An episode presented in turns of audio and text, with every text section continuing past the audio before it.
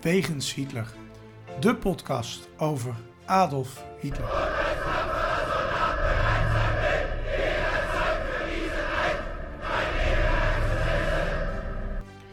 Dictator, alleenheerser van 1933 tot 1945.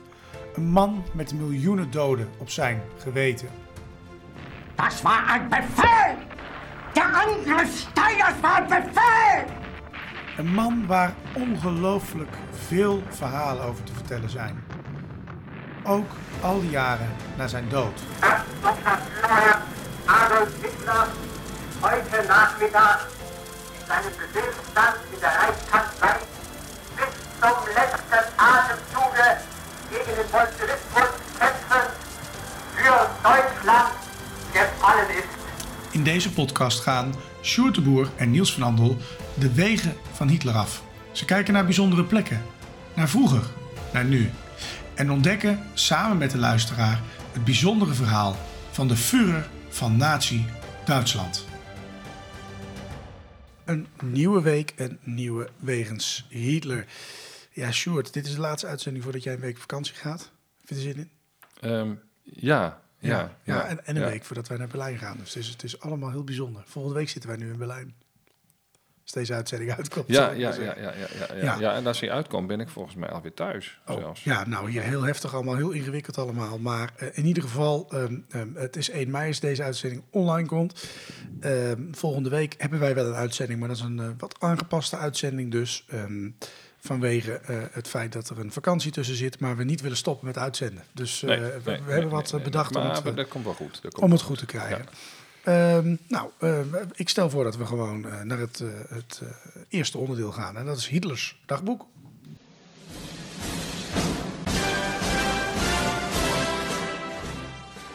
Hitlers dagboek. Het leven van Hitler duurde 20.463 dagen. Wat deed Hitler op deze dagen? Waar bevond hij zich? En vooral waarom?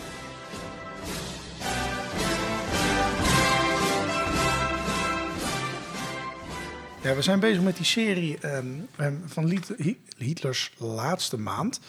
Ehm, en eh, we zijn gebleven bij 25 april. En we gaan eigenlijk de laatste dagen van Hitler eh, met jou eh, doornemen. Ja, ja, ja, het Ja. einde nadert. Het einde nadert. Ja, Einde waar we twee ja. weken, drie weken geleden nog zaten met Hitler gelooft op een enorme heroïsche omkeer van het oorlogsverloop, is inmiddels wel duidelijk dat die er niet meer gaat komen. Nee. En we Nee. beginnen op woensdag 25 april. Ja, hij heeft al, hij heeft al gezegd dat hij, het, dat hij de oorlog verloren is op de 22e. Hè. Nou, dat- dat, dat, is ook zo. Berlijn is omsingeld door de Russen. De strijd om het centrum van de stad gaat beginnen. Ehm, eh, hij, eh, hij, hij heeft gezegd dat de oorlog verloren is. Maar nu, op 25 april, zegt hij dat elk huis, elke verdieping, elke granaattrechter tot verde- uiterste verdedigd moet worden. Dat is, begint een beetje ziek te worden. Dat als je toch al zegt dat het eh, verloren gaat, gaat dat nog heel veel mensenlevens kosten. Nou, naar de Ober-Salzberg gaan is volgens hem nog veel laffer dan zelfmoord plegen in Berlijn, zegt hij op die dag. Hij vindt dat hij in Berlijn het land nog kan leiden. Op zijn berg kan hij alleen de berg nog maar verdedigen, zegt hij. Nou, eh, symbolisch had hij misschien gelijk, maar in werkelijkheid was de communicatie met de troepen in Berlijn zo slecht dat er van leidinggeven eigenlijk nauwelijks nog sprake was.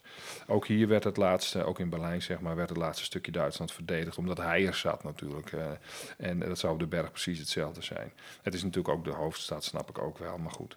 Er vindt op deze dag een, een, een bombardement op de Ober-Salzberg plaats, ook nog een keer, dus het heeft daarna ook helemaal geen zin meer om daar naartoe te gaan. Hitler geeft op deze dag opdracht voor de eerste keer, eh, voor de eerste keer opdracht dat zijn lijk en dat van Eva verbrand moeten worden na hun zelfmoord. Nou, dat eh, klinkt gezellig. 26 april. Ja, 26 26 april. Ja, de, de- Russen veroveren de Technische Hogeschool in Berlijn. En dat is, dat is eigenlijk, dan zitten ze al vlak bij de Tiergarten. Ze rukken dus vanuit het westen ook in de richting van de Wilhelmstrasse, eh, waar, waar, waar Hitler zit. Hitler geeft eh, generaal Walter Wenck het bevel Berlijn te ontzetten. Dat komt dan ook nog weer. Hè. Hij heeft het al toegedaan, het wordt niks meer, maar hij blijft maar bevelen geven. Adjudant Schaub die vernietigt inmiddels op allerlei papieren in Hitlers appartement in München. Dat is op deze dag. En dat doet daarna hetzelfde op de Obersalzberg, zoals Hitler al bevolen had. Ja. Ehm, dus eh, de, de vernietiging eh, gaat lekker eh, door. Ehm, en Hitler blijft nou ja, nog een beetje hoop houden op de een of andere vreemde manier. Ja, dan wordt het vrijdag 27 april. Ja, voortdurende beschietingen weer op de eh, Wilhelmstrasse en op de Wilhelmplaats ook. De, de, Russen nemen het zuidelijke deel van het park Tiergarten in. Dan komen ze toch behoorlijk dichtbij hoor. Dat, dat park dat grenst aan de oostkant, namelijk praktisch aan het terrein van de Rijkskanselarij. Uh, de Russische vlag hangt al aan de door Albert Speer verplaatste Siegersäule. Die Siegersäule die stond vroeger voor de Rijksdag. Dat is een stuk dichterbij. Nu staat het ergens midden, midden in, in de Tiergarten, het grote park in, in Berlijn. Uh, Hitler die voert nog steeds militair overleg. Uh, Goebbels is daar ook, die heeft er eigenlijk niks te zoeken, maar hij is er wel. Arthur Axman, de leider van de Hitlerjugend, zou zeggen, wat doet hij daar? Nou ja, die heeft nog een aantal jongeren in de strijd geworpen. Um, uh, en verder zijn er natuurlijk adjudanten, generaals zoals Weidling, Von Belo en Krebs, die, die daar nog praten met, met Hitler. De troepen van Wenk die hebben de buitenwijken van Potsdam bereikt. Dat is natuurlijk prachtig, hè? dat heeft wel heel veel doden gekost, hoor. Er staan ook midden in de bossen staan daar ook herdenkingstekens voor. Nog steeds in, eh, in, in Duitsland, vlakbij Berlijn. Um, Hitler zegt echter terecht ook hoor, dat Potsdam niet hetzelfde is als de Potsdamer Plaats. Want dat plein lag, lag en ligt nog steeds vlak bij de bunker in Berlijn. Uh, ja, Potsdam is wel een stukje rijden. Potsdam is nog wel een stukje rijden, ja. ja. Dus dat, uh, dat schiet niet op. Wenk komt ook geen meter verder hoor. Zijn troepen die worden juist, uh, juist op dat moment teruggedrongen zelfs. Hitler wil nog steeds niet vluchten uit de stad, daar blijft hij gewoon bij.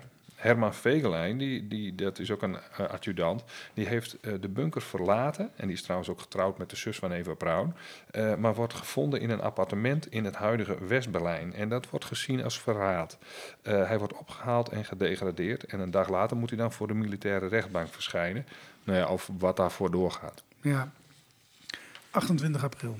Ja, na een bericht via de radio over onderhandelingen die Himmler met de westelijke geallieerden heeft gevoerd, wordt Vegelijn doodgeschoten.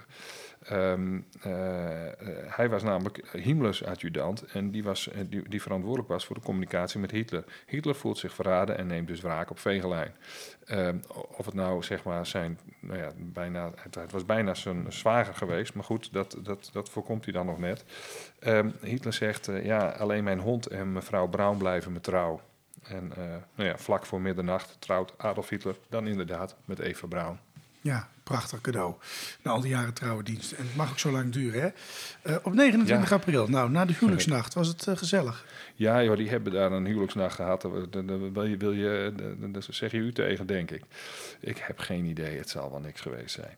Na middernacht vinden in ieder geval felicitaties plaats in, in, in verband met dat huwelijk. En daarna dicteert Hitler zijn testament aan zijn secretaresse Trouwde Jonge.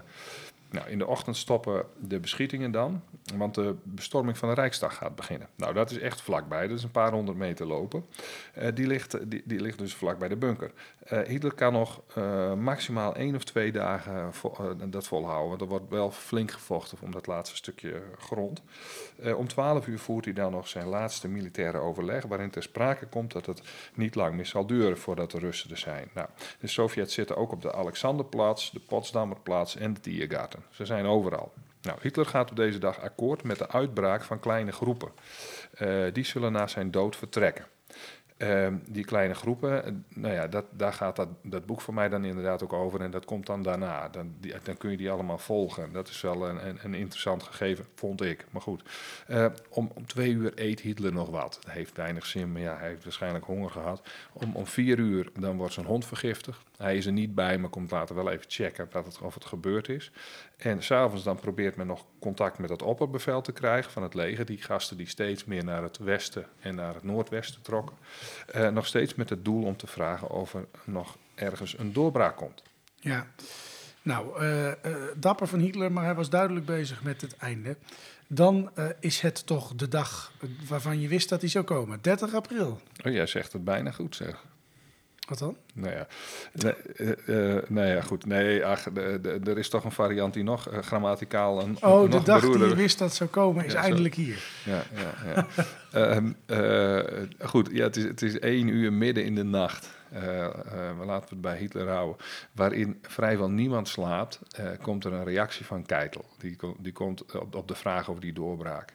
Hij zegt, Berlijn kan niet ontzet worden, het is uitzichtloos. De nog net functionerende legers kunnen niets aanvallends meer uitrichten.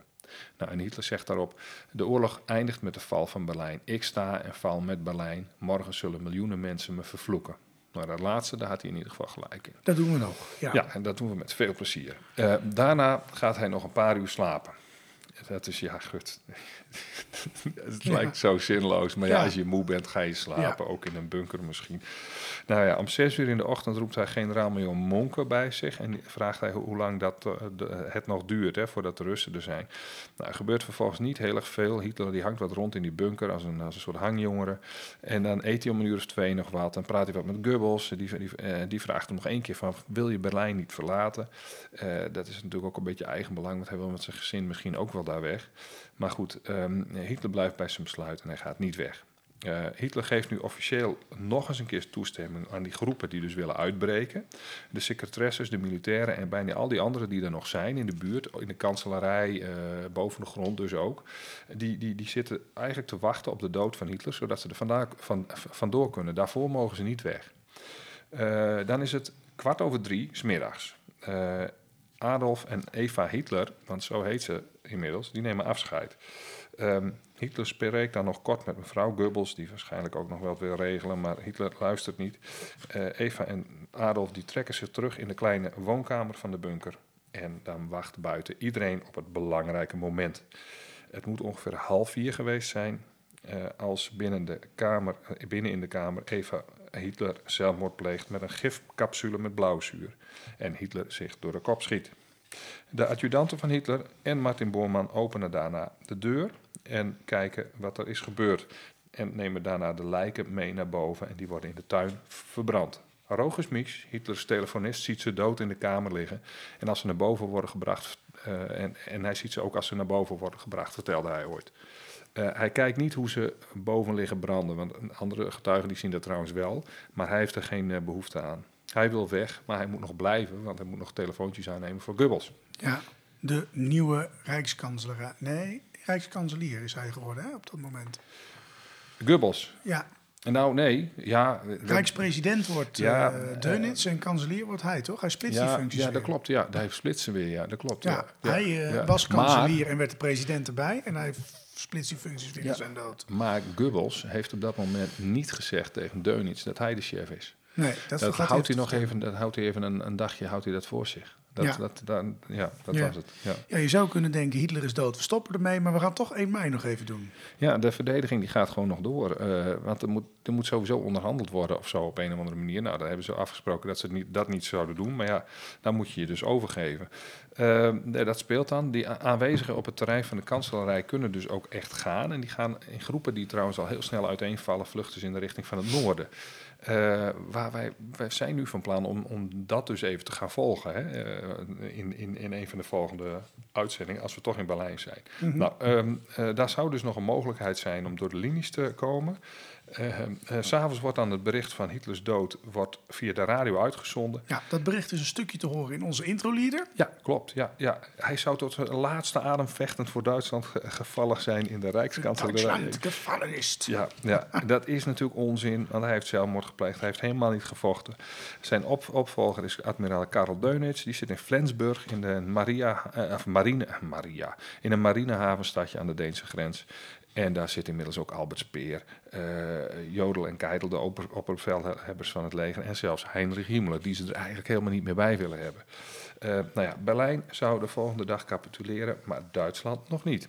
Nee. Eh, Flensburg-regering die houdt het dan het nog heel eventjes vol, alhoewel die niet zo heel erg veel meer te bevelen heeft. Nee, nee, maar goed, we hebben het wel eens over, we hebben het wel eens over gehad. Het boek eh, Karel Deunitz, eh, De laatste dagen van het Derde Rijk.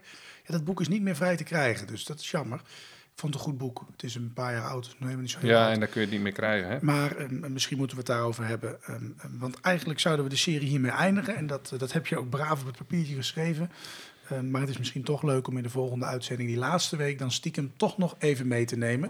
Dat is wel een aangepaste uitzending, maar dan doen we dan gewoon een Hitlers dagboek in. Waarin Hitler niet meer leeft, maar wel de laatste dagen van Ja. zijn nalatenschap. En dan eh, trek je het ook meteen over eh, de, de Nederlandse Ja. bevrijdingsdag. Ja, heen. precies. Dus het mooi. lijkt ons Ja. wel leuk om dat, of leuk. In ieder geval mooi om dat te doen.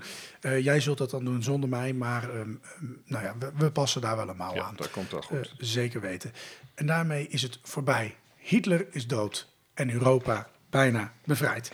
We gaan naar de plek. De plek. Bijzondere plekken of verhalen die te maken hebben met Hitler. Ja, ik zei het al. eh, Hitler is dood. Dus de vraag die nou bij ons eh oprijst is: ja, eh, we kunnen ermee stoppen. We kappen ermee. Het is klaar, ja. Het is- ja. Dat, we wisten Het het, is ook al. volbracht. hè. Ja. Het is volbracht. Maar dan werd het een uitzending van 14 minuten, vonden we ook zo wat. Dus we gaan naar de meest logische volgende stap die er is. En wat is dat, Stuart? Zijn jeugd, uiteraard. Ja. Eh. Op het moment dat we dit opnemen, is het misschien nog niet zover. Hè? We nemen dit dus iets in het voren op. Maar als wij online komen, dan is hij wel uit het nieuwste boek van ene Stuart de Boer. En die heet De Jonge Hitler. Ehm, en we gaan dus terug in de tijd, terug naar Hitlers jeugd. En dat boek is dus nu, als je dit hoort, te bestellen. Eh, doe dat bij je lokale boekhandel. Ik zeg het nog maar een keer. Ik wil je eventjes eerlijk zeggen. ehm, ik wilde het boek van een schrijver van die hier pas is geweest. eh, over de vader zat bij de SS. Dat boek wil ik Ja, kopen. ja. Dus ik ben me goed. Normaal bestel ik het direct bij de bol.com. Hè. Ik ben heel eerlijk, ik ben een gemaksmens. Nou hebben we hier wel Mhm. Een boekwinkeltje. vaak, hebben we een boekwinkeltje hier eh, in Kesteren. Ik denk, ik stuur een mailtje. Kunnen jullie dit, dit ISBN voor mij bestellen? Dan kom ik het ophalen. Geen reactie. Ja, en ik ben te lam om naar die winkel te lopen. Hè. Dus ik, ik ben dan nog moeite gedaan om een mailtje te sturen Ja, netjes. ja. Ik hoor er niks op. Nou, dat niet. Dan bestel ik het gewoon Ja, maar er wordt hier ook verder niet gelezen, toch? Nou, laat ik het zo zeggen. Ik woon in een eh Bijbelbeltstreek. Dus het staat niet zo op de website. Maar goed, misschien kun je het zo bestellen. Ik wil het niet verkopen, is ook een antwoord, toch? Het, eh, maar goed, het is meer... Ja, ik denk dat het niet, meer wat eh, kerkelijke gemeenschapboeken zijn. Maar dat weet ik niet. Misschien eh, is het mailtje gemist. Dus ik ga het nog één keer proberen. jij, jij mag gewoon bij bol.com. Dat, vindt, dat vindt de schrijver ook niet erg. De, voor de schrijver maakt het niet uit, maar ik, ik steun graag de lokale. Maar goed, de- terug eventjes, want anders dan gaan we te lang over mijn ervaringen met lokale boekwinkels door. We gaan naar het boek De Jonge Hitler. We gaan een interview doen, dat doen we wel vaker met schrijvers. Dit keer ben jij het dan zelf. We reizen daarvoor in de plek naar Oostenrijk, naar de regio van Doele, Dullersheim, Braunau am Inn, Passau, Liens, Wenen en we gaan misschien ook nog even naar München toe. Kortom, naar de plaatsen waar de jonge Hitler heeft gewoond. En ehm, misschien ook voor de luisteraars die nu pas inhaken. We hebben daar eerder uitzendingen van gemaakt. En er zijn mensen die alle vorige 53 afleveringen zijn terug gaan luisteren. Maar er zijn misschien ook mensen die denken, dat interesseert me niet. Ehm, ik begin hier. Kan ook. Maar dan weet je het, je kunt er ook een luisteraflevering nog aan wijden. Ehm, nou is Hitler al even dood. Hè? Mhm. Ehm, waarom dan nu nog een boek over Hitler? Dat is er toch al lang. eh, in de zin van over zijn jeugd, zal ik maar even Ja, zeggen. ja, nou ja dat, dat, kijk, als er, als er drie of vier eh, goede boeken lagen die zijn jeugd helemaal uit de doeken deden, dan had ik ook gezegd van nou, daar ga ik niet aan beginnen, want dat is onzin. Eh, er ligt wel iets van, van dat heet dan de jonge Adolf. Die titel had ik een beetje in mijn hoofd, omdat dat heel makkelijk aansluit bij hoe ik het geschreven heb. Maar ehm, eh, Ja, daar was al een titel van. Ja, die bestond al, dus die was ook vrij kort. Maar dat is eigenlijk een heruitgave van, van een boek van, eh, van Brigitte Hamann, eh, Hitler's Wenen. En dus dat is alleen maar dat laatste deel. En er is ook een ander boek, dat vind ik best wel goed. Dat is, maar dat is iets, iets meer op, op bronmateriaal en hele kleine fotootjes staan erin. Ehm, eh, ja, dat is niet echt, ja, dat vond ik wat minder leesbaar. En, eh, en er zijn gewoon bronnen die in het Nederlands nooit ver- vertaald zijn, die wel essentieel zijn als je het hebt over de jeugd van Hitler. Dus dat er nog eens een keer een boek zou komen, eh, ja, dat- dat, lag misschien wel voor de hand. Ja. Nou heb ik het maar gedaan. Ja, dus je hebt een vrij uniek boek, kan ik daar dus uit begrijpen. Ja, en, en de mensen die echt ook de biografie wel lezen, die weten wel een aantal dingen, maar dat die, ze gaan nooit zo heel erg diep op die jeugd in. Nee. Ehm, je hebt een boek geschreven eh, eerder, eh, De Hitlerbeaters. Dat is ook recent opnieuw uitgebracht. Een kritische vertaling van een propagandaboek, hebben we ook wel eens besproken. Een verhalenbundel, De Vlucht uit Hitlers Bunker. Eh, dat is een boek met verhalen, foto's, routines. Een cadeautje, ehm, eh, een cadeautje van de Vuren, dat is dat, die verhalenbundel, zal ik maar even zeggen. Ehm, allemaal boeken die allemaal ook verschillen. Wat voor boek moet ik hier eh, bij in gedachten hebben? Ja, trouwens grappig, daar hadden we het zo net ook over. Ik heb mijn eigen boeken nu besteld. Want de, de, de Hitler-mythes, die is ehm, in Polen uitgekomen, ik moet het wel goed zeggen. En, eh, maar ik kon hem niet bestellen, want dat was allemaal heel ingewikkeld. Nou heb ik een plek gevonden waar ik dat wel kan doen. Dus nu heb ik de Poolse editie besteld via Amerika. En dat heb ik ook met de Tsjechische editie van de Vlucht uit Hitler Bunker ge- gedaan. En ja, ik, ik heb gevraagd van, van stuur, hem, ehm, stuur, hem, eh, stuur hem maar even op, maar nou, men reageert niet. Ehm, Je uitgever niet. Uh, nou, de uitgever daar niet. Dus, Oh. dus nou ja, goed, ik denk, nou, wil, nou ben ik ook benieuwd. Dus ik, eh, hoe, hoe ziet dat eruit? Maar daar gaat het niet over. Het gaat om het nieuwe boek, De, de Jonge Hitler. Ehm, eh, ja, het, het is een beetje een combinatie, want het, het zit ook weer een reiselement in. Ehm, ik ben overal weer geweest. Ik, ik heb er overal foto's gemaakt. Is dit, is dit die beruchte reis waar jij je bijna het leven hebt gelaten? Ja, Ja, ja. ja, dit is na, voor over. na Braunau am in dook er ineens een witte auto voor mijn neus op. Die reed mij naar de Galamissen. Ja. En toen kwam ik, werd ik weer teruggebracht naar Braunau am in en lag ik daar in het ziekenhuis, eh, van 400 meter van de geboorteplek van Hitler. Ik was er eh, eh, misschien iets minder aan toe dan de jonge man destijds, maar eh, toch, ik leef nog en hij niet. Eh, nou ja, goed. En, en zitten dus een aantal routes in die ik heb gedaan. Die kun je ook, je kunt, je kunt ook natuurlijk, eh, er zitten foto's in. Het gaat om die plek. En nou ja, er zit één element in. Eh, nou ja, waar, ik ook een beetje nou ja, wat er later gebeurt bespreek. Ja. Ehm, je hebt heel wat plekken bezocht, dat zeg je. Hè?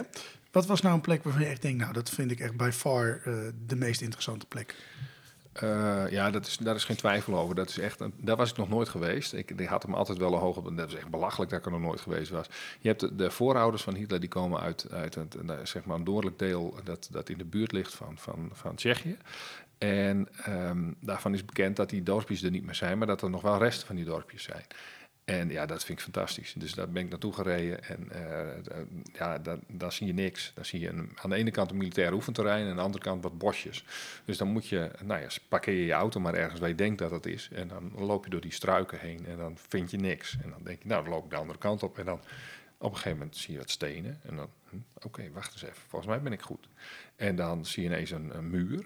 En hé, hey, wacht eens even. Hier hebben huizen gestaan. En dan zie je ineens nog een, een, een constructie met een raam erin en een, kelder. Eh, van alles is daar nog. En nou ja, goed, eh, die hele regio die is, eh, die is verwijderd omdat daar een militair oefenterrein kwam. Dat was al een plan voordat Hitler daar, daar kwam in 1938, toen hij het land overnam. Maar ja, dat speelde, dus dat is gewoon doorgegaan. En, nou, en even verderop ligt dat Dullersheim. Maar dat is echt heel leuk om te bezoeken. Voor als je niet die struiken in wil en je wilt niet een, een- een- voor een muurtje daar eh, doorheen banjeren, wat ik dan natuurlijk super leuk vind. Dan, daar is echt nog een, deel van de kerk is daar in intact.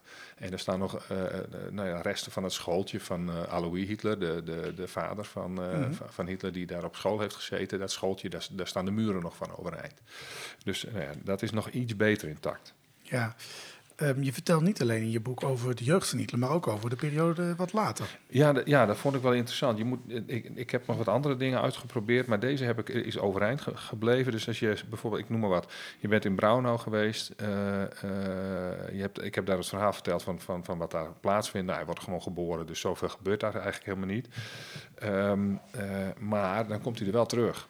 Dus in 1938 bijvoorbeeld, dan rijdt hij daar de brug over en dan, dan rijdt hij eigenlijk langs het geboortehuis. Eh, nou ja, dat is het dan ook, want hij rijdt direct door naar Linz en naar, eh, naar Wenen. Maar eh, daar zijn alle foto's van. Dus wat, er dan, wat hij dan doet als hij terug is, en in sommige andere regio's doe ik dat ook, bij Passau bijvoorbeeld, dan, dan komt hij er in de jaren 20 bijvoorbeeld aan. Ja. Dus, ehm, nou ja, goed, dat is ook goed om even te benoemen natuurlijk. Ehm, het boek begint dus eigenlijk over de voorouders van Hitler in de regio Dollersheim. Waarom is dat nou zo belangrijk? Ja, daar, daar zit die discussie over, ehm, over eh, eh, de voorouders van eh, de, de, de, de, opa van, van Hitler. Of dat nou een Jood was of niet. Die was niet ingevuld op het doopformulier. Er woonde wel een kerel bij, een Hitler. Die, die woonde wel bij zijn, zijn oma in. Dus ja, hey, die zal vast wat uitgevreten hebben daar.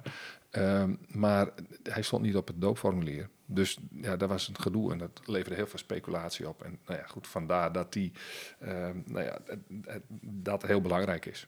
Ja. Nu zou je denken ehm, dat Bruno Amin, Hitlers vader, die was eh, eh, vroeger eh, douanier, werkte bij de douane, die kwam daar terecht. Over die plaats moet er onderhand alles wel bekend zijn. Het notabene de geboorteplaats van Adolf Hitler.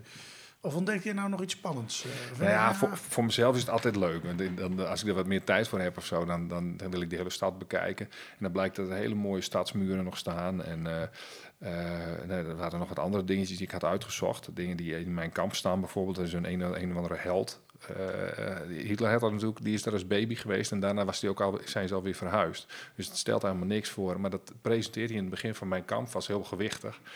En, en die palm, dat is een soort vrijheidsstrijder in de, in de Frans-Duitse oorlog. Mhm. En uh, daar staan een paar beelden voor. Die is begraven op een begraafplaats. Daar een stuk of vijf plekken waar, waar je in de stad uh, uh, iets terugvindt. En nou ja, daar, daar ben ik wel geweest. Dus dat, dat verhaal neem ik dan ook een beetje mee.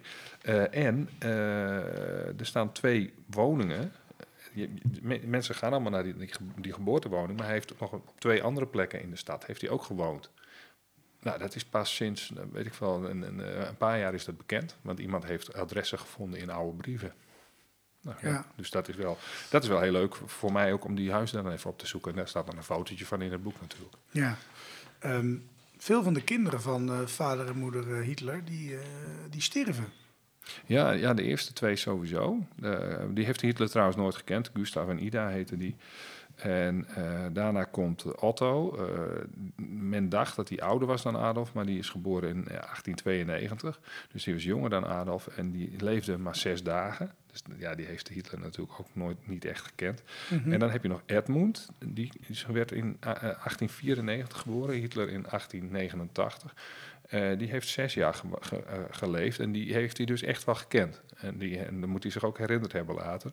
En die uh, overlijdt dan ook. Dus het is, het is, best wel een ellendig gezin wat dat betreft. Wat wel vaker voorkwam. Maar ja, ze hebben er wel veel verdriet van gehad. Dat beschrijft vader ook in brieven. En nou ja, dan, dan blijven over, zeg maar, Adolf en zijn zusje Paula. Uh, dat zijn echt de kinderen van, van, van, van, uh, van Clara, zijn moeder, en van Alois, zijn vader. Maar Alois was ook al eerder getrouwd en daar zijn ook twee kinderen uit, Alois junior en Angela. Ja. Um, op een gegeven moment verhuist dat gezin naar Passau. Um, Hitler is dan nog maar echt een jong jochie er zal dus niet zo heel veel bekend over hem geweest zijn, denk je dan? Nee, nee, en er wordt wel over geleuterd. Dus, want Hitler heeft daar gewoond, dus dan, dan, ja, hij, kende alle kinderen in de buurt en die kende hem en die speelden ook heel goed samen. Hij was nog een klein, een klein rotjochie, dus dat, dat vraag ik me af of dat waar is. De, en de waarheid is soms heel lastig te, te, achterhalen, want mensen vertellen allerlei verhalen. En zeker in het beginfase nou ja, is het zeer twijfelachtig wat, dat, wat waar is en wat niet waar is. En soms is een verhaal te leuk om niet te noemen. Dan ga ik het natuurlijk wel vertellen. Want dat, vind ik dan, en dan kun je erbij zeggen dat je het eigenlijk niet zeker weet. Dus dat, uh, en en, en uh, er is wel één, één verhaal Um, dat, dat is wel interessant. Dat gebeurt wel vaak. Dat, dat er dan discussie is over iets wat men niet precies weet. Want de, uh, er is discussie over of de vader uh, eerder ging verhuizen en dan bijvoorbeeld het gezin een jaar lang alleen in de weekend bezocht. En dat was eigenlijk de aanname die heel lang gespeeld heeft. En dat blijkt dus niet te kloppen. Nou, en hoe dat dan wel zit, dat leg ik dan uit. Ja. Um nou, uh, hebben we het wel eens gehad over de jeugd van Hitler. We weten dat op een gegeven moment vader, uh, die krijgt het in de bol en die begint een boerderij. Ja. Um, dus het had niet veel gescheeld of uh, Adolf Hitler had met zijn trekker hier op het plein kunnen gaan staan. Ja, ja en de, maar Hitler is eigenlijk ook een soort ja, herder of zo. Hitler, een be bewaker van dieren of zo. En, hoe moet je het zeggen? Die, die zit wel in de betekenis natuurlijk. Hij, hij, gewoon, ook gewoon de boer. Um, nou ja, goed. Ik, ik, begrijp dat je je stiekem toch verwant begint te voelen met Adolf Hitler. Ja, nou, dat is niet echt chic om te zeggen, hè? Nee. Misschien niet, nee. ja, nou ja, het erge is dat Stuart ook nog wel weer een, een link heeft. Want Stuart en Seward, en dat komt weer van een beetje uit de hoek van Siegfried. En Siegfried is dan weer een figuur uit Wagner. Uh, nee, doe maar niet. Laat maar. Mocht je je arm ehm, gaan strekken, dan kijk ik even uit. Nee, dat doen we maar niet. Ik, uh, ik, uh, dat is allemaal onzin. Nee, hij, hij, had, hij had boer kunnen worden, was hij maar boer geworden. Ik bedoel, dan, ja. dan, dan, dan had een boel ellende gescheeld. Ja. Um, weet je, hij, hij was ook nog jong hoor, dus hij heeft wel wat met, met de dieren daar gedaan. En, maar dat was eigenlijk um, niet zo'n heel succes. Hij is daar wel voor het eerst naar school gegaan. En dat is een dorpje dat ligt vlakbij Fiesjelham. Daar, daar ging hij voor het eerst naar school. En dat is, dat is wel aardig. Dat is een klein schooltje, dat is daar nog in die, in die omgeving. Daar ging hij met zijn zus, die bracht hem dan. En um, nou, dat is gewoon leuk om te zien. En uh, uh, dat ging ook goed. Dat, hij, hij, was best een goede leerling toen nog. Ja, op een gegeven moment dan moeten ze weer weg. Ja, En dan verhuizen ze. Wat is daar de reden van? ja de, de, boerenbedrijf, er was gewoon niks. Hij, de- hij, hij had een varken, maar dat, dat vlees, ja, dat, dat, dat, dat, dat- dat kon hij niet goed genoeg verkopen, verdiende hij niet goed op. De koe die gaf niet genoeg melk, zijn, zijn um, personeel bedonderde hem. Nou, en toen heeft hij die, die boerderij verkocht, want het, dat, dat duurde te lang voordat hij winst zou maken en ervan van kon leven. Ehm, en ja, daarna, hij heeft, daar heeft hij nog mazzel mee gehad. Want daarna kwam er een soort om- overstroming in dat gebied. En de volgende be- eh, bewoner die heeft daar heel veel last van gehad. Dus dat, daar heeft hij in feite nog mazzel mee gehad. Maar toen kwamen ze dus... eh, ja, toen gingen ze alweer weg. Ja. Het gezin eh verhuist wel vaker. Hitlers jeugd staat vol met verhuizingen. Uiteindelijk komt het gezin in Leonding terecht. En daar hebben ze een mooi huisje met een stukje land. Maar dan overlijdt de vader van Hitler. Eh, hoe ging dat? Ja, ja, het is eigenlijk, als je nou in de buurt bent, ga er naartoe. Eh, de bevolking vindt het niet altijd leuk als je erover begint, maar ja, je gaat er toch kijken. De, kerk staat op een, op een heuvel. Daarnaast staat het huisje, het oude huisje van de Hitlers. En als je de, de, de, de heuvel afloopt, het is 400 meter verderop, daar staat de kroeg waar ehm Alois Hitler naartoe ging eh, op een goede ochtend. En daar kwam hij wel vaker. Ehm, daar ging hij een glas wijn drinken. En tijdens dat glas wijn stort hij in elkaar en sterft hij. Hij gaat op een bank liggen en daar komt hij te overlijden, zegt men. Hij zegt, is het, was het een alcoholist? Eh, dat heeft men heel lang gedacht. Ehm, Hitler heeft er ook dingen over gezegd in Mijn Kamp, die trouwens, waar hij niet zegt dat het over zijn vader gaat of wat dan ook. Ehm, en ik denk ook dat het anders zit, dat, hij, dat het he- niks met alcoholisme te maken heeft. Uit een vrij recente bron, blij- bron blijkt namelijk dat het anders zit. Dat is natuurlijk het grote geheim. Ja, wat je, niet gaat vertellen. Dus je moet het boek kopen. Ik snap de truc. Ja. Ehm, ik heb een eh, fotootje gezien dat jij op een sofa zit... eh, waar de vader van Hitler op gestorven is. Eh, wordt dan gezegd, mocht dat zomaar? Ja, ja, dat mocht. De- je kunt daar gewoon op zitten als je daar een pizzaatje eet. Wij hebben daar gewoon een colaatje gedronken. Ah, en, het zal toch niet meer dezelfde bank zijn? Ah, nee, maar die, die mevrouw die daar rondliep, die zei ook van... Kijk, eh, eh, dat leer, dat vergaat. Dat is nieuw leer. Dat is er al drie keer opnieuw op. De nagels die erin zitten, is ook niet echt. Maar dat houtwerk, dat is inderdaad de oude sofa die daar toen stond. En ze zei zelfs, ik vraag het me af of dit de sofa is waarop die is overleden. Want eh, wie weet dat eigenlijk nog. Maar hij heeft wel in een tentoonstelling gestaan, een lokale tentoonstelling, als de sofa waarop dat gebeurde. Ehm, ja, je weet het niet. Je weet het niet. En waarom ze daar bij dat, bij dat museumpje hebben besloten dat dat ook correct is, ja, geen idee. Nee, we nemen het maar even aan. Eh, op een gegeven moment in de jeugd van iemand kom je ook op school terecht. Eh, nou was Hitlers loopbaan op school niet echt een, eh, ja, een, groot succes, zullen we maar zeggen. Hij maakt zijn school toch eigenlijk nooit af. Nee, nee, nee. De lagere school gaat trouwens nog prima hoor, ook in Leonding. Dat doet hij prima. Dat is, dus eh, alleen als hij op de middelbare school komt, dan gaat hij al in Liens. Dan woont hij nog in Le- Leonding. En Le- Leonding en Liens liggen vlak bij elkaar. Ehm, eh, en, en, ja, goed, daar gaat het minder. Eh, dat heeft zijn broer ook gehad. Ehm, die heeft op diezelfde school gezeten. En dat is eigenlijk wel, dat, dat wist ik eigenlijk niet zo goed. Ehm, eh, eh, eh, dat betekent dat die, die, die broer die is dan op een gegeven moment gestopt met die school. En die is, die, die is een opleiding gaan doen, is gaan werken in de, in, de horeca. En toen heeft hij ook dingen gejat en is hij in de gevangenis terechtgekomen. Dus die vader van, van, van, van Adolf en van die, die jonge Alois eh, junior... ja, die wil natuurlijk dat Adolf zijn school afmaakt en niet zo eindigt als zijn broer. Ja. En nou, ja, die gaat dus naar dezelfde school, dus er komt best wel wat druk op, op, op de schouders van Adolf terecht. Ehm, nou, ja, eh, nou ja, hij vindt dat, eh, hij, hij, hij, vindt het uiteindelijk helemaal niet, niet leuk op de middelbare school. Blijft er vaak zitten, gaat liever terug naar huis om te spelen met die kameraadjes eh, die hij in Leonding heeft. En dan na de dood van, van, van vader verhuizen ze naar Liens. En dan maakt hij uiteindelijk zijn middelbare school ook niet af. Nee. Ehm, als Adolf eh, Hitler in, eh, in Linz woont, dan is hij een stuk ouder. Ehm, er wordt dan ineens ook heel veel meer over hem bekend. Eh, hoe kun je verklaren hoe dat komt? Ja, ja, ik denk misschien dat je dat zelf ook, ook over je eigen jeugd... je weet veel meer over je puberteit dan over eh, de tijd dat je baby bent of zo. Tegenwoordig maken we natuurlijk heel veel foto's en, en houden we verhaaltjes bij. En dat Ik kan net zeggen, mijn nichtje die kan echt, eh, poeh, die kan elke dag meemaken als ze wil over tien Ja. jaar. Ja, dan we hopen dat het een hele interessante schrijfster wordt of weet ik veel wat. Of een, eh, een actrice, zodat we er ook echt Ja. iets aan hebben. Ja, Maar eh, ja, goed, nee, en anders eh, is het voor jezelf natuurlijk wel heel tof. fantastisch. Ja. Nou ja, goed, dan kun je later nog eens teruglezen. Maar dat, dat, dat in die tijd, ja, over die voorouders, daar kom je ook niet zoveel te weten hoor. Dus daar staan de trouwdata en, en, en, en dat is het. Je hebt niet Ja. eens foto's. Nou ja, goed, eh, eh, ehm, er, is, er zijn een paar bronnen uit die tijd. En, en een hele belangrijke is August Kubitschek. Dat is een kameraad. En die heeft, eh, dat is wel weer een beetje problematisch hoor. Die heeft een boek geschreven eerste versie in de jaren 40. eh, die kwam bij Martin Boorman terecht. Nou, mm, er staat ook nog wel wat antisemitische eh, prietpraten in. Ehm, en de tweede versie komt in 1953, weet ik, veel, 54, ik dacht 53, maar ko- komt het, komt het boek uit. En dat is dus in het Nederlands nooit vertaald, wat ik eigenlijk best gek vind.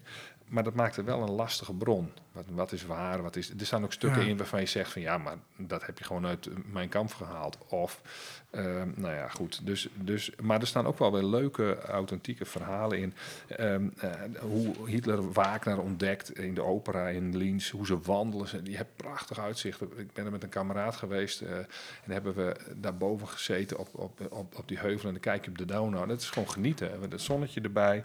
Dat heeft hij ook gedaan. Ja, één verhaaltje. Ja. Het staatslotverhaal.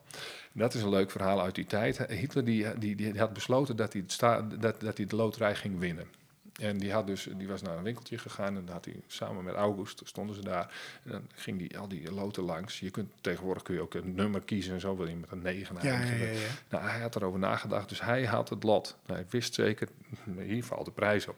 En, en waren ze naar eh Oervaar aan de overkant. Je hebt Lins en Oervaar liggen met een brug verbonden. En dan waren ze daar bij een, een of een, een, woning, die er nog steeds staat trouwens. eh, waren ze gaan kijken en dan hadden, hadden ze al in, in, hun fantasie, vooral Adolfs fantasie, hadden ze een deel van de bovenverdieping, die hadden ze al verdeeld. Want daar gingen ze dan wonen, dat, eh, van het staatslot. Eh, Adolf kreeg het wat grotere gedeelte. En, en helemaal aan de andere kant zat eh, August Kubitschek, die speelde namelijk piano. En daar moest hij geen last van hebben als hij aan het werk was. Ehm, nou, eh, hij won niks. En kwam scheldend de zaak van, van August binnen. Zijn vader had een winkel. En, of had een, had een, een, een, een, een, een- een zaak waar, gewerkt werd. En ehm, ja, scheldend op, op, op de staat, want het was een staatslot. En scheldend op, op, op, op iedereen op wie die kon schelden. Want het was totaal oneerlijk dat hij niet gewonnen had. Hele realistische jongen. Ja, dat bleek later ook. Ehm, ehm, eh, inmiddels is de vader van Hitler dood, maar ook zijn moeder heeft niet eh, heel erg eh, lang meer gehad. Wat Nee. was er met haar aan de hand? Zij had borstkanker en dat was al toen ze in Liens woonde.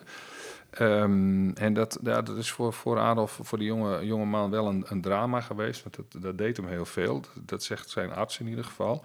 Een Joodse man, een Joodse arts. Ehm, en eh, ze moesten daardoor ook verhuizen naar Oervaart, denken ze. En, en eh, nou ja, goed, Adolf die maakt zich dan heel erg zorgen. En dan is ze ziek. Eh, ze zal het niet overleven, eh, leven, dat weet hij ook.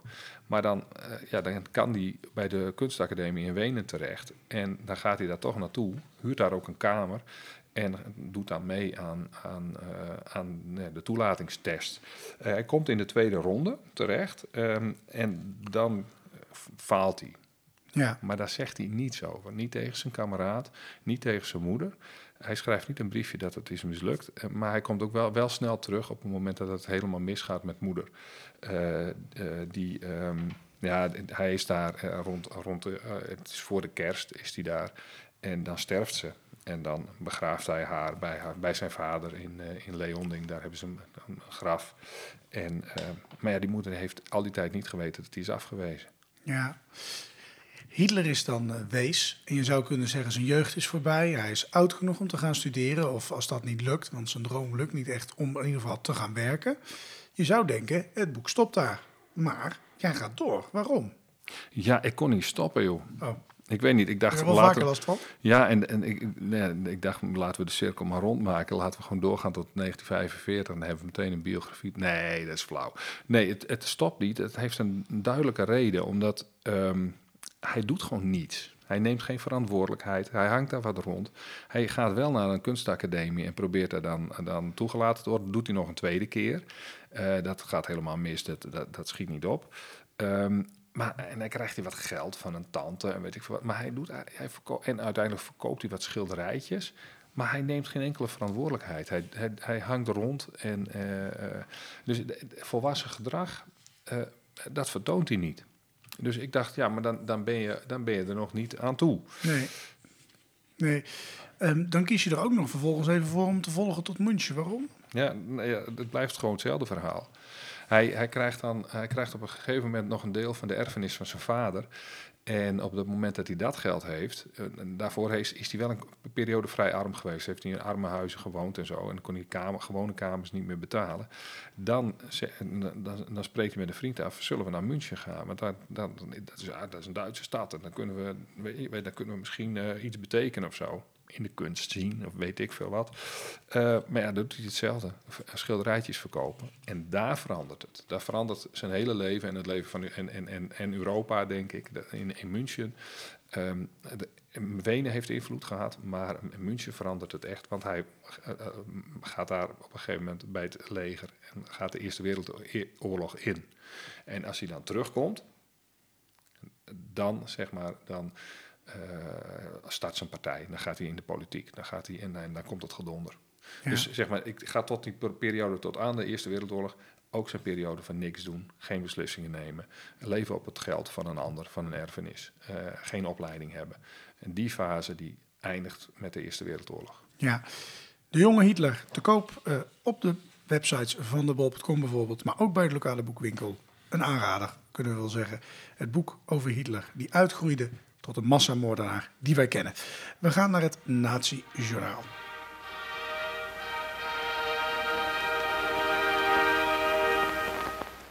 Het Nazi-journaal. Bijna dagelijks is er nog wel iets te vinden over Hitler. Hij is in het nieuws, er is een stuk in de krant, een tweet, een interview of een nieuw boek. We bespreken het in het Nazi-journaal.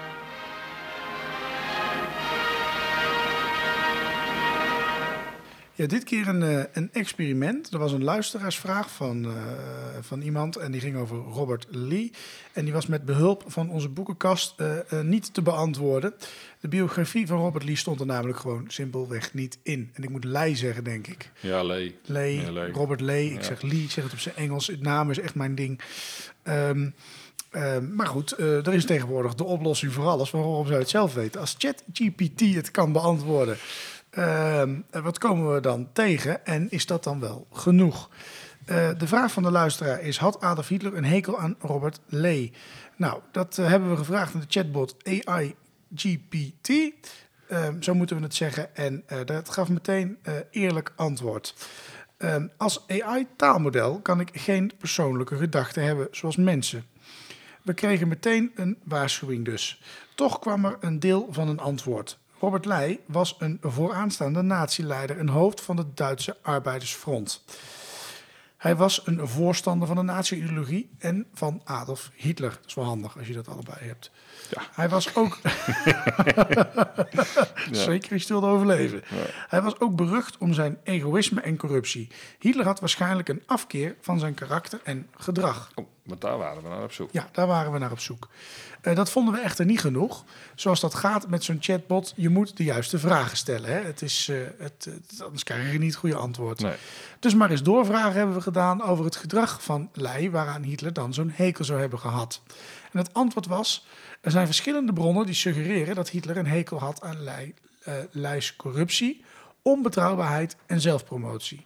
En dan volgt een mysterieuze zin. Lei was ook berucht om zijn schandalige levensstijl en zijn neiging zichzelf te portretteren als een onberispelijke loyalist van Hitler zelf. Wat de Führer er waarschijnlijk van weerhield hem volledig te vertrouwen. Ja, Ja, nou dat vonden we vreemd, want dat zou je toch juist wel een beetje eh, leuk vinden. Hè? dat lijkt mij ook. Ja. Ja, waarom zou Hitler het nou vervelend vinden als iemand van zijn eigen volgelingen hem volgt? Hè? Eh, dat ook zegt Ja. en dat beleid te doen. Dat, dat, dat moet, nou, dan moet je toch bijna fantastisch. Tenminste, als jij zegt dat je mijn vriend bent, vind ik dat geweldig. Hè? Dat, zou- snap ik. Dat snap ja, ik. dat snap jij. Ja, Ja, dat hebben meer mensen. Ehm, dat zou dan eh, door de combinatie met die, die schandalige levensstijl kunnen komen. Hè? Eh, Ja. ehm, ehm, dat, is in ieder geval Ja, wat dat dan uit zouden kunnen halen. ja. Ja. Ja, ja, Nou goed, daar wisten we wel wat van. En de luisteraar die de vraag over Lei bedacht waarschijnlijk ook al. Ehm, maar wat de kunstmatige intelligentie ons daarover vertellen eh, zou, dat, ehm, dat wisten we niet. Dus ehm, de eerste vraag maar eens herhalen. Ehm, het antwoord is dat Hitler het waardeerde dat Lei zijn best deed de arbeiders te mobiliseren voor oorlogsinspanningen. Onze vraag is dus blijkbaar steeds niet helder genoeg. Of zou dat aan de bronnen liggen? Want dat kan natuurlijk ook. We vragen het daarom. Welke bronnen heb je gebruikt voor dit antwoord? Daar komt een erg gekke reactie.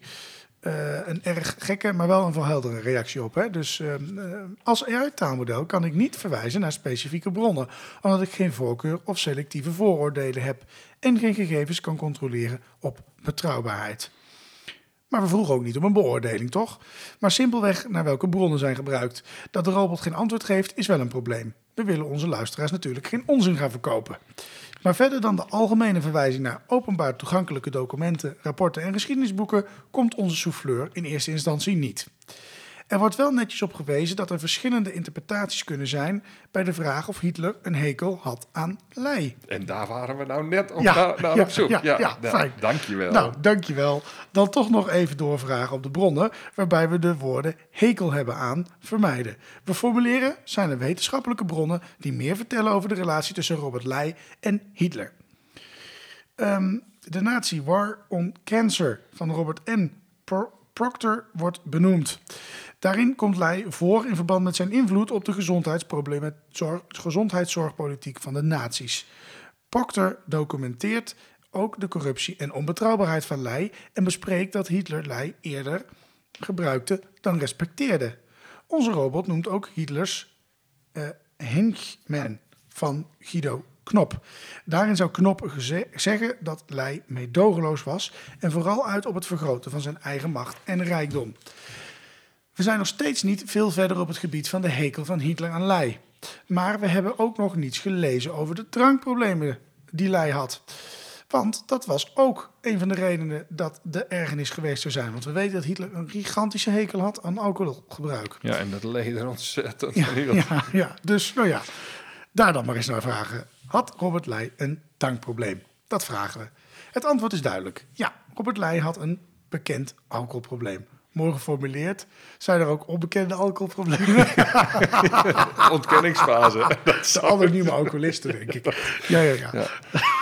Hij was vaak dronken in het openbaar en zijn gekke gedrag onder invloed van drank was beroemd in de hoogste kringen van de nazi-partij. Dat leidde ook tot enkele slecht, slechte beslissingen en onverklaarbare uitspraken, zo geeft de chatbot antwoord. Ja, zijn er voorbeelden van beslissingen die Robert Ley maakte onder invloed van alcohol, vragen we. Antwoord, er is geen concreet bewijs dat Ley onder invloed van alcohol belangrijke beslissingen nam. Hallo, hè. Er zijn echter wel verschillende anekdotes over Ley en zijn alcoholgebruik. Hij, was een, hij was wel eens dronken tijdens vergaderingen en zou ook Hitler in de dronken bui hebben toegesproken. Dit gebied perspectieven. Dit is Ja. wel een mooi voorbeeld. Dat je zo'n vergadering hebt en dat je dan denkt van... Nou, Ja, ik vat er eens is op aan. Ja, de nou, volgende leerlingbespreking wordt gezellig bij jou op school, Sjoerd. Ik kom kijken. Kun je een voorbeeld geven van die anekdotes over Leijs alcoholgebruik? Dat is de volgende vraag die we stellen. Het antwoord, een van de bekendste verhalen, gaat over een toespraak die hij gaf in het Nuremberg tijdens een bijeenkomst van het Duitse Arbeidsfront, DAF, ehm, in Nuremberg. Ja, dat zei hij net ook al, maar fijn dat hij het nog een keer even zegt. En dat was in 1936. Tijdens deze toespraak zou Lui zo dronken zijn geweest dat hij bijna van het podium viel en onduidelijk begon te praten. Het publiek zou hierop hebben gereageerd met luid gelach en het gooien van fruit en andere voorwerpen naar het podium. Prachtig verhaal, zou je denken. Dat is een goed Ja. verhaal. Ja, nou hebben we wat. Hè? Ja. Een ander verhaal gaat over een vergadering van DAF, waarbij hij onduidelijk sprak. Toen men hem vroeg duidelijk het spreken, zei hij: Ik kan niet nog duidelijker spreken, want ik ben dronken. nou, dat is wel eerlijk. De- Deze anekdotes zijn ja. echter niet bevestigd, meldt de Ah, chatbot. nee. Hallo. Ja, Wat is dat nou meteen naar bronnen gevraagd, wat ook weer gezin. Nou, waar komen die anekdotes dan vandaan? Daarop geeft AI geen antwoord. Algemene bronnen zijn er wel. Ian Kershaw, Robert Payne bijvoorbeeld. En dat vinden we niet specifiek genoeg. En de vraag of Hitler een hekel had aan Robert Ley is nog steeds niet beantwoord. Een laatste poging voor een tip of voor een goede bron. We vragen. zijn er boeken die ingaan op de relatie tussen Adolf Hitler en Robert Leij. Met als antwoord Robert Gerard Hitlers Hangman, The Life of Heydrich, gaat onder andere over Leij en zijn DAF. Uh, Frederick Spots Hitler and the Powers of Aesthetic, Aesthetics. Aesthetics, ik kan het woord niet uitspreken. Aesthetics. Aesthetics, sorry. Zo, de knetters. Uh, het gaat over de rol van Leij en de DAF in de kunstsector. En er worden nog meer, meer titels genoemd. Opvallend genoeg, geen enkele biografie. Ja, dat viel me echt op, ja. Ja. Raar. Ja, je hebt, het, uh, je hebt het grootste deel van dit gesprek gevoerd met onze chatbot. Uh, nog een poging dan. In de dagboeken van Jozef Goebbels wordt Leij 17 keer aangehaald. Dat staat netjes achter in de fysieke boek variant ervan. We vragen wat Goebbels vertelt over Leij in zijn dagboeken. AI geeft vier voorbeelden en na herhalend vragen blijft dat zo. Twee positieve, Leij is bekwaam en twee negatieve, Leij is incompetent. Misschien toch maar een biografie zoeken. Er zijn er niet veel, maar er is er al één besteld. Door Sjoerd dan, in dit geval. Ja, en de vraag of Hitler een hekel had aan Leij op basis van, het chat die, uh, van de chatbot is in ieder geval nog niet gegeven. Drinken kon hij wel. Maar ja, dat wisten we eigenlijk al. Van nu naar vroeger. Wat speelt er nu in ons nieuws en hoe zat dat in de tijd van Hitler?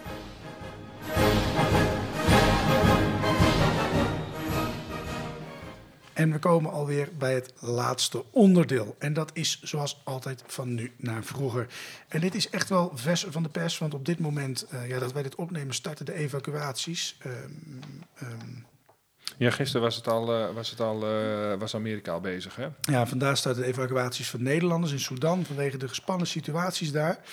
Um, maar de Amerikaanse excuus, de Amerikaanse ambassade die wordt daar geëvacueerd. Mm -hmm. En dat deed ons een beetje denken van, uh, hoe zat het eigenlijk in die oorlog? Werd ook een beetje geëvacueerd van die ambassades. Op een gegeven moment begint die oorlog. En um, kijk, het, tot die oorlog proberen ze eigenlijk, zeker het Verenigd Koninkrijk, tot het bittere eind uh, diplomatie te bedrijven met Adolf. Ja. Dus die ambassades die zijn nog bezet. Ik vind het wel een soort uh, terrein wat, wat, wat lastig. Uh, als, als je gewoon gaat googlen, dan zou je toch denken van nou, een, beetje, een, beetje, een beetje geschiedenis van die, van die ambassades, daar kun je er wel terugvinden. Nou, we hebben wel eens een boekje besproken over de Amerikaanse ambassade. Dus dat ligt wel ongeveer mm -hmm. vast dat, dat ze daar weggaan. en, maar, maar, niet alle ambassades staat erop van, van, van wat er nou eigenlijk gebeurd is, wanneer ze weg zijn gegaan en wat er over is gebleven. Je kunt wel, wat je wel kunt uh, achterhalen is waar ze zaten en uh, of ze daar terug zijn gekomen. En dat is, dat is natuurlijk in Berlijn wel een hele typische situatie, omdat je um, die ambassades die zaten rondom de, de belangrijke Franse, Engelse en Amerikaanse, die zaten rondom de Pariser plaats, waar de, hoe heet het, de Brandenburg Tor staat. En dat viel net binnen de DDR-grens. Dus dus nou ja, dat, die hele Pariser plaats, dat was, dat, dat stond alleen die, die Brandenburger Tor nog en de rest is gewoon afgebroken. En, uh, en, en, en, dus, dus nou ja, dat, dat, dat is wel opvallend. Dat de, nou ja, de Fransen, de Britten, de Amerikanen en de Nederlanders halen hun ambassadepersoneel nu natuurlijk weg uit Berlijn. Aan het, zeg maar in het begin van de Tweede Wereldoorlog. Maar na de Tweede Wereldoorlog zijn die plekken, die zijn in feite. Um, uh, nog betaald, die zijn nog eigendom van, van Amerika, van, van Engeland. Ja. En, van, van, en dat is voor Nederland is, is dat niet zo. Want Nederland die heeft, die, die, die verkopen dan op een gegeven moment in de jaren 50, verkopen ze de grond. Ze zitten vlakbij de Tiergarten, ergens aan de andere kant in West. Vlakbij de Noorse ambassade. En dat verkopen ze dan. Maar uh, de Fransen, de Britten en de Amerikanen hebben dat nooit verkocht. Maar daar staat ook niks. Dus dat is gewoon de no-go area.